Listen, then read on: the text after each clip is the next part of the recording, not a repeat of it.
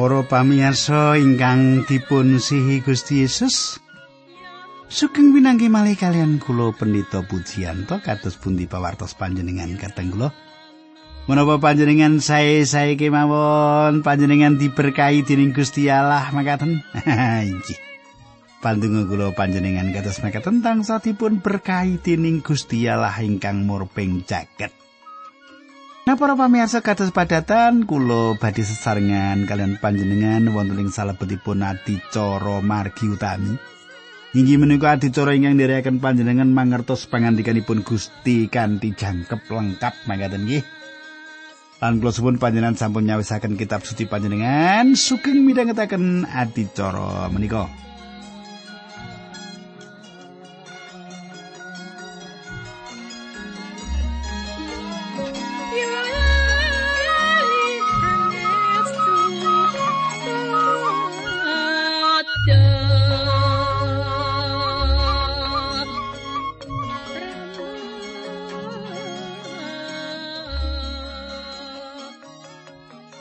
Pamirsa, wonten ing pepanggen kepengker tak ringkes wae supaya panjenengan cek kelingan apa sing tak aturake nalika semana.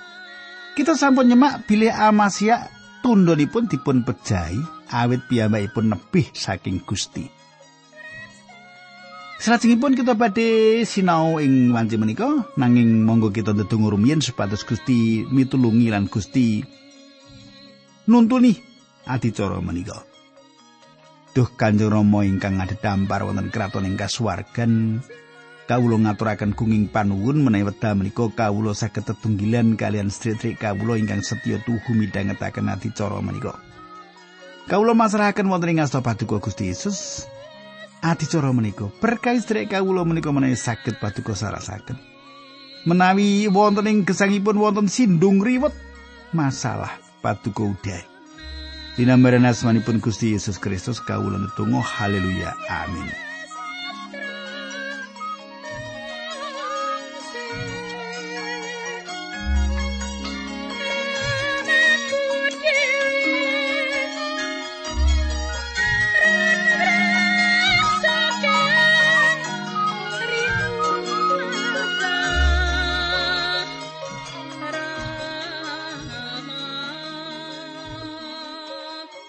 Para pamirsa ingkang kula tresnani, samenika kita lumebet ing kalih babet bab 16. Nggih. Ing wanci menika kita mlebet ing kalih babet bab 16. Kula waosaken ayat 1 teka 3 selajengipun mangke diwaca urutan ngaten nggih. Nek ana sing ora penting ya dilompati gitu. Makaten surasipun. Sawise Raja Amasia sedo rakyat Yehuda kabeh milih usia putrane. Ngentosi ramane dadi raja nalika semana yuswane usia 16 taun. Asmane ibune Yekolya saka Yerusalem. Usia nggone dadi raja ing Yerusalem lawase 52 taun. Kutha Eliot direbut meneh lan dibangun. Para pamirsa, usia sejatosipun satunggalipun raja ingkang sae. Nanging boten wonten kebangunan rohani ing jaman piyambakipun nyepeng panguwaos. Ing jaman menika Nabi Yesaya miwiti anggenipun peladusan. Ayat 456 Usia ora beda karo ramane lelakone gawe renaning penggali Allah. Penasiate bab karohanen Sakaria selawasi Sakaria urip usia ngabekti marang pengiran kelawan setya temah diberkahi dening Allah. Raja Usia perang karo wong Filistin, tembok-temboke kutha Gat, Yapni lan Asdod digempur. Banjur mbangun kutha-kutha nganggo beteng sacedhae Asdod lan ing daerah-daerah Filistia. Para pamirsa, Gat salah satunggalipun benteng tiang Filistia. Sedaya menika kalebet laladan tiang Filistin. Nanging menika dereng sedaya, cobi panjenengan semak. Ayat 8 nganti 10. Wong amon padha mbayar pajak marang raja Usia, pangawasane saya gedhe lan misuwur tekan tanah Mesir. Kanggo ngumati kutha Yerusalem, raja Usia ngedekake menara ing gapura pojok, semono ing gapura lebak lan ing tembok sing moncol. Panjenengane yo ngedekake menara-menara ing tanah panggonan lan duduk sumur akeh merga raja kayane akeh banget iya sing ana ing pegunungan iya sing ana ing tanah ngare sisih kulon sarene seneng tetanen sang prabu nganjurake supaya rakyat padha gawe kebon anggur ing tanah pegunungan lan supaya padha nggarap lemah sing subur Para pamirsa, Raja Usia remen tetanen lan Raja Usia gadah tanah kangge ulah tetanen menika. Ing leladan mriku saking Asdod, Askelon lan Gat sadawanipun margi tumuju Berseba, kalebet ora-ora pasuketan ingkang jembar. Papan menika dados papan kangge ternak lembulan mendo lan inggih kados makaten menika ingkang dipun tindakaken Raja Usia. Salajengipun menawi kita minggah dateng arah Cermen, Karmen, ing mriku wonten ngare Esdraelon lan naladan menika satunggalipun naladan ingkang ngasilaken wowoan. Mliginipun anggur awit ing mriku wonten kebun angguripun. Raja usia remen perkawis ingkang kados mekaten menika. Menapa panjenengan remen tetanen kadang kula gitu? Sinau jenengan wis dadi pegawi nanging cek seneng olah tetanen. Kanca kula ngeten, nggih, dadi pendhita ning ijik nyang sawah barang macul. Wah, kita uripe luwih tentrem gitu. Bareng garap sawah terus dulan-dulan ning pesamuane, nili pesamuane gitu. Bareng ngoten nek minggu khotbah yo apike ra karuan. Wah, wis di semak masyarakat wah Pak Pandito iki wah apik pancen ngono pendhita kudune. Ngoten nggih. Nah para pamirsa saat menikah kita lajengaken ayat 11, rolas telulas. Tentarane Raja Usia akeh banget lan tentara mau selawasi siogo ngluruk perang. Pasukan-pasukan sing maju perang cacahe dicatet dening JIL lan Maasea, para sekretaris Sang Prabu sing dipimpin dening Hananya pembantune Sang Prabu.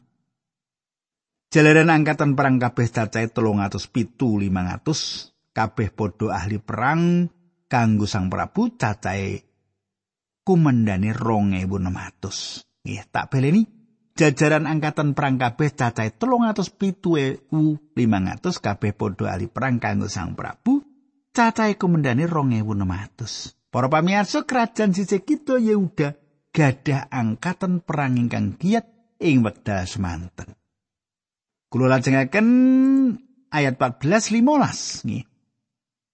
Tentarane Raja Usia mau gamane tameng, tombak, topi wojo, klambi kere saka wesi, gendewa lan panah sarta watu bandil.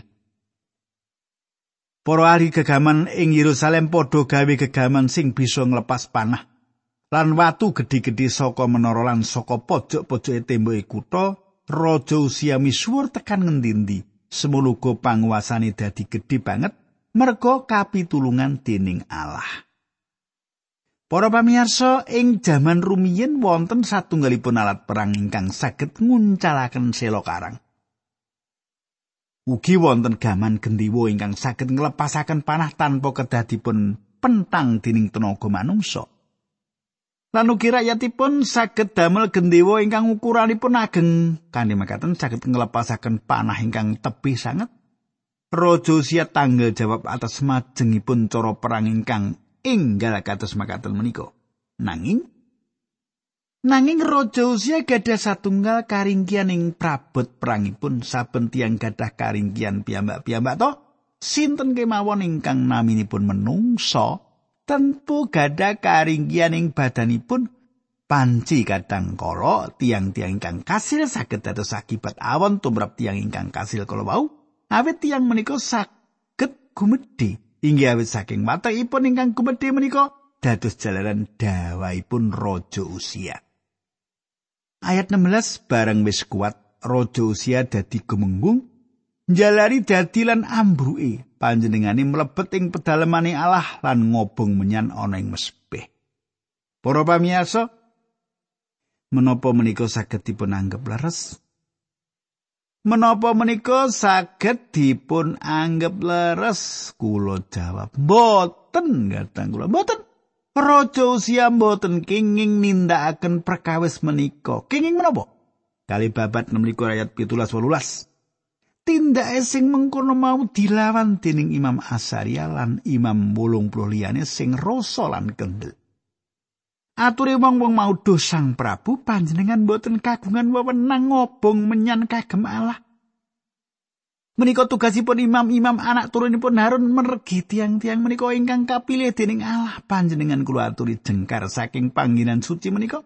Panjenengan sampun nglawan dhateng Allah pramila samenika Gusti Allah mboten badhe berkahi panjenengan. Para pamirsa. Para imam sejatosipun saged lumawan raja ing perkawis menika. Raja mboten gadah ngrebut kalenggan imam. Raja nindakaken menapa ingkang dipun larang saestu sinten kemawon ingkang nindakaken kajawi namung tedhak turunipun Harun namung para imam saking garis turunipun Harun ingkang saged mlebet ing papan maha suci ing pundi cagak dian emas lan mesbeh ubaran papan menyan wonten ing lebetipun para pamirsa aja nganti ana panjenengan dadi majelis kok ngrebut kewenangane pendeta iki piye. Nek jaman sak menika ngoten nggih. Wah, kalau wingi ini ana pendeta diusir barang saka gerejane gitu. Marga ora cocok karo majelis. Lho kula kula nggih, kula niki. Apa wani majelis ningkang kados makat nampani bebendune pangeran? Napa wani, gitu? Sak menika Pak Pendeta menika garwane diangkat pegawai negeri, gitu. Lajeng sak menika piyambakipun malah dipun agem Gusti Allah teng pundi-pundi nggih gereja niki kewingi nggih kalian kula bebarengan ngladosi bujana suci nggih lho menika satunggal bab ingkang tapi tapi lho Gusti Allah iki lho. Gusti Allah jenenge semili abdi Gusti aja disia-sia mengke jenengan ndak disebratake dening Gusti Allah. Ngati-ati nek karo sing jenenge pendeta kuwi. Gitu. Ora peh aku pendeta nggih ning atos-atos saestu awit kula dadi pendeta ora karep kula dhewe. Dipilih Gusti Allah gitu.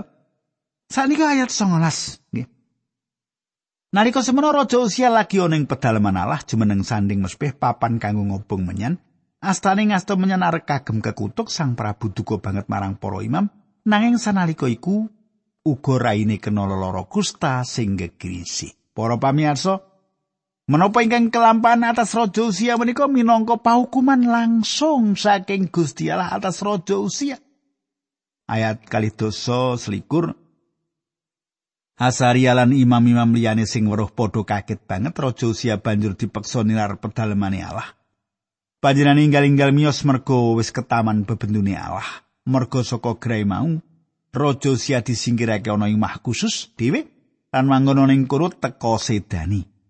panjenengane ora diparengake mlebet menaing pedalamane Allah, peperintahane negara ditindakake dening Yotam putrani. Para pamirsa larenipun Raja Usia Yotam kedah nyepeng pusering pemerintahan, Raja Usia wonten ing omah khusus sedangunipun gesang. Ayat 23 Riwayat Raja Usia liyane wis katulis dening Nabi Yesaya bin Amos. Para pamirsa, ing salebetipun pameca Nabi Yesaya, Kita mau pilih Nabi Yesaya miwiti peladosanipun ing jaman pejahipun Raja Usia. Yesaya setunggal ayat 6. Ayat 13 bareng sedo Raja Usia kasarake ing paleman sanding pesareane para raja dadi ora ana ing pesareane dhewe merga panjenengane gerah kusta sing gegirisi banget Yotam putrane ngenteni dadi raja. Para pamirsa, Pametakipun Raja Usia saged dipun westani satunggalipun pametaan ingkang bahagia.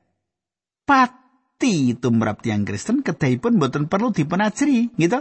Paulus saged ngantikan dumateng tiang pitados sing Tesalonika kados makaten. Para sedulur aku kepingin supaya kowe padha ngerti temenan bab wong-wong sing wis padha mati supaya atimu aja sedih kaya wong-wong sing padha ora duwe pangarep-arep. setunggal Tesalonika sekawan ayat 13. Pametaan utawi penguburan menika mboten tansah sanget dening priatos kados ketingalipun. Pametakan layonipun Raja Usia sanes satunggalipun perkawis ingkang mrihatosaken. King menapa mboten mrihatosaken Raja Usia menika? Tiang ingkang nandang penyakit kusta utawi lipra. Raja Usia sadaringipun sampun dados raja ingkang sae nanging Gusti Allah ugi nyerat dosa-dosanipun piyambakipun ngrebat kalenggahan imam. Dosanipun inggih menika satunggalipun dosa gumedhe. Para pamirsa, kathah tiang ing jaman samenika ingkang nindakaken dosa gumedhe menika. Tiang-tiang kala wau budidaya nyaketi Gusti Allah lumantar pambudidayanipun piyambak mboten lumantar marginipun Gusti Allah. Gusti Allah sampun ngendikan bilih menawi badhe nyaketi panjenenganipun kita ketangginaken cara panjenenganipun. Gusti Yesus ngendika, aku iki dalane marang Gusti Allah lan aku sing nuduhake Gusti Allah kuwi sapa lan kepriye kaanane? Aku uga sing menehi urip marang manungsa ora ana wong siji wae sing bisa sowan marang Sang Rama yen ora lantaran aku. Yohanes 18 ayat 6 Raja usia sampun budidaya sowan dumateng Gusti Allah kanthi caranipun piyambak lan tundhonipun piyambakipun kenging penyakit kusta penyakit makaten menika nuwuhaken panandang kanthi pejah raja sia ngraosaken endah awit kauwalaken saking penandang menika. Raja sia menika abdi Allah sinaosa piyambakipun dosa lan Gusti Allah paring paukuman dumateng piyambakipun awit dosanipun. Raja sia langsung nampi paukumanipun Gusti Allah nanging piyambakipun wangsul dhateng taman Firdaus minangka satunggalipun abdi Allah. Para pamirsa, Kathah tiyang pitados ingkang boten gadah daya lan boten gadah pengajeng-ajeng ing salebeting badan ingkang ringkih lan boten gadah daya. Ing wedal-wedal menika badhe wonten satunggalipun priyantun ingkang paring kamardikan ingkang indah kangenipun tiang-tiang kala wau. Saestu indah lan kebak sukarana mlebet ing pangayunanipun Sang Kristus, mboten wonten ingkang perlu dipun prihatosaken ngadepi perkawis kados makaten menika. Kula mbayangaken tetesan loh yotam sampun garing. Ing medal piyambakipun andhatengi pametakipun ingkang bapa. Kula yakin piyambakipun tresnani bapakipun lan piyambakipun mangertos pilih bapakipun sampun kawilujengaken. Para pamirsa samenika pasinaon kita lumebet kalih babat pitulikur. Nggih kalih babat pitulikur. Yotam inggih menika satunggalipun raja ingkang saged kawastani bilih piyambakipun satunggalipun raja ingkang sae. Yehuda gadah raja tiga ingkang sae ingkang urutan menika satunggalipun perkawis ingkang ngidap-idapi. Ayat setunggalan kalih bab 17. Nalika dadi raja ing Yerusalem Yotam yuswane selawe taun. Lawase dadi raja 16 taun. Asmane ibune Yerusa binti Sadok. Yotam tumindake dadi renane penggalihe pangeran kaya ramane mung wae Yotam ora ngobong menyan ing pedalemane Allah kaya sing ditindakake dening ramane. Ewa semono rakyat tansah gawe dosa. Para pamirsa satunggalipun perkawis ingkang saestu aneh lan perlu dados kawigatosan inggih menika gegayutan Yota menika. Mung wae Yota ora ngobong menyaning pedalemane Allah kaya sing ditindakake dening ramani.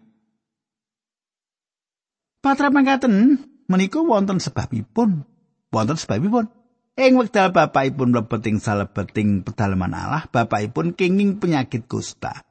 Nanging sejatosipun bapakipun kanthi cara lepat anggenipun mlebet. Nanging Yotam nindakaken menapa ingkang sae ing pamirsanipun Gusti. Piyambakipun nebih saking pedalamanipun Allah. Piyambakipun nyukani patuladan ingkang sae dumateng bangsanipun. Ing mriki wonten tiyang ingkang gadah wamungan ingkang sae sanget kangge mimpin bangsanipun wangsul dumateng Gusti Allah. Nanging piyambakipun gadah alangan saged ugi satunggalipun ayat pahit ingkang wonten ing salebeting manahipun bapakipun dipun hukum kanthi penyakit kusta ing pedalaman Allah. Inggih menika sebabipun piyambakipun boten gadah kekajengan mlebeting pedalamanipun Allah. Para pamirsa kathah tiang jaman samenika ingkang nindakaken perkawis ingkang sami. Tiang-tiang menika nebih kalian pedalamanipun Allah awit pikiran-pikiran jubrio utawi wonten satunggalipun lampan ingkang andadosaken gesangipun boten bejo lan menika dumados sing taun-taun ingkang sampun kepengker utawi ingkang wonten gegayutanipun kalian tiang ingkang dipun sihi. Inggih menika ingkang dumados sing lampah gesangipun Yotam. Wonten jalaran utawi oyot pait ingkang saged dipun mangertos gegayutan menapa ingkang dipun tindakaken. Ayat 3 lan sekawan. Raja Yotam yoso gapura pedalaman Allah sisi lor lan nguwati tembok Ovel ing Yerusalem. Panjenengan yasa kutha-kutha ing pegunungan Yehuda sarta beteng-beteng sarta menara-menara ing alas-alas. Para pamirsa ing jaman semanten tanah ing mriku dipun kebaki kalian alas. Inggih ing tanah menika ingkang kebak susulan madu, Raja Yotam bangun beteng-benteng ing sanginggilipun gumuk-gumuk. Raja Yotam menika satunggalipun tiang ingkang ngedapi-dapi ing salebetipun bangun. Ayat gangsal 6. Raja Yotam ngluruki perang nelokaken Raja Amon sakbalanipun kabeh. Wong Amon dipeksa bayar pajak. Telung tahun lawase wong Amon saben tahun kudu nyaosake sloka 3400 kilogram gandum 100 ton lan jemawut 1000 ton kuwi kudu padha ditetepi. Panguasane Raja Yotam saya mundak-mundak merga panjenengane setya oleh nglakoni dawuh Allah. Para pamirsa, Raja Yotam bangun kegiatan prajurit ingkang kiat kados ingkang dipun tindakaken bapakipun. Kula lajengaken ayat pitulan bolu. Kedadian-kedadian liyane ing pemerintahan Yotam, peperangan lan putusan-putusan kabeh wis dicatet ing kitab sejarah para raja Israel lan Yehuda. Nalika dadi raja ing Yerusalem, Raja Yotam yuswa selawe tahun lan nggone dadi raja lawasi 16 tahun. Para pamirsa, namung setunggal pasaring kes kangge pemerintahan Raja Yotam, Yotam menika satunggal nem-neman ingkang saged kemawon dados raja ingkang ngidapi-dapi. Nanging raos Jubriyo ingkang dados pepalang piyambakipun dados raja ingkang ageng lan nindakaken perkawis-perkawis ingkang ageng kangge Gusti Allah. Samenika pasinon kita lumebet bab 28. Kita mangertos bilih cepet utawi inggal-inggal Yehuda badhe gadah raja ingkang awon lan inggih menika raja menika. Kalih babat 28 ayat 1 lan kalih Nalika Ahas dadi raja umure 20 tahun manggone ing Yerusalem lawasi 16 tahun Ahas ora manut tulodo sing becik saka raja Daud malah nyleweng ora gawe renaning penggalihe pangeran. Tumbendake kaya raja-raja ing Israel lan wong padha gawe reca-recane Baal saka logam, para pamirsa. Raja Ahas inggih menika satunggalipun raja ingkang awon. Piyambakipun nindakaken gesangipun kados raja-raja Israel lan gesang ingkang kados makaten menika ateges nindakaken cara-cara ingkang awon. Daud satunggalipun priyantun ingkang dados ukuran para raja lan ahas watek wantunipun tebih saking ukuraning menungso. Akibatipun samenika kita wiwit nyemak mangsa tembe ingkang peteng ingkang dumados ing kerajaan sisih kidul. Kerajaan sisih ler badhe lumebet ing papan pambujalan ing Asur. Gusti Allah badhe maringi kathah pemut dumateng kerajaan sisih kidul nanging kerajaan sisih kidul ugi mlebet ing salebeting pambujalan sanes dhateng Asur nanging dateng Babel. Ayat 3 sarta padha ngobong menyaning lebak Ben Hinom malah putrane piyambak digawe korban marang Brahala. Manut adat sing ditindakake dening wong-wong sing ditundung dening pengiran saka tanah Kenaan nalikane wong Israel mlebu ing tanah kuno. Para pamirsa lelampahan menika ateges Raja As misungsungaken lari-larinipun minangka korban ubaran. Sayektosipun patra menika satunggalipun pangibadah dumateng reca brahala kanthi ngaturaken kurban ubaran awujud manungsa. Ayat sekawan Raja gawe kurban lan ngobong menyang ing papan-papan panyembahan brahala sing ana ing desa-desa lan pegunungan ing sangisoring wit-wit gedhe. Panjenengan semak Raja As manembah sawetahipun dumateng brahala nyasaraken kerajaan Jekidul ing salebeting pangibadah dumateng brahala. Para pamirsa kula sigek semanten rumiyin. Panjenengan saged sinau saking menapa ingkang kula aturaken mriki menawi tiang menika caket kalian Gusti Allah diparingi keberhasilan wonten ing salebetipun gesang gitu. Nanging menawi ngungkuraken Gusti Allah, wah uripe kesurang-surang orang genah. Nah menika kedados catatan panjenengan. Monggo kita temenggul, kita ndedonga. Dukan Rama ing swarga kawula ngaturaken gunging panuwun dene wekdal menika kawula saged sinau para raja-raja ing Yehuda lan Israel.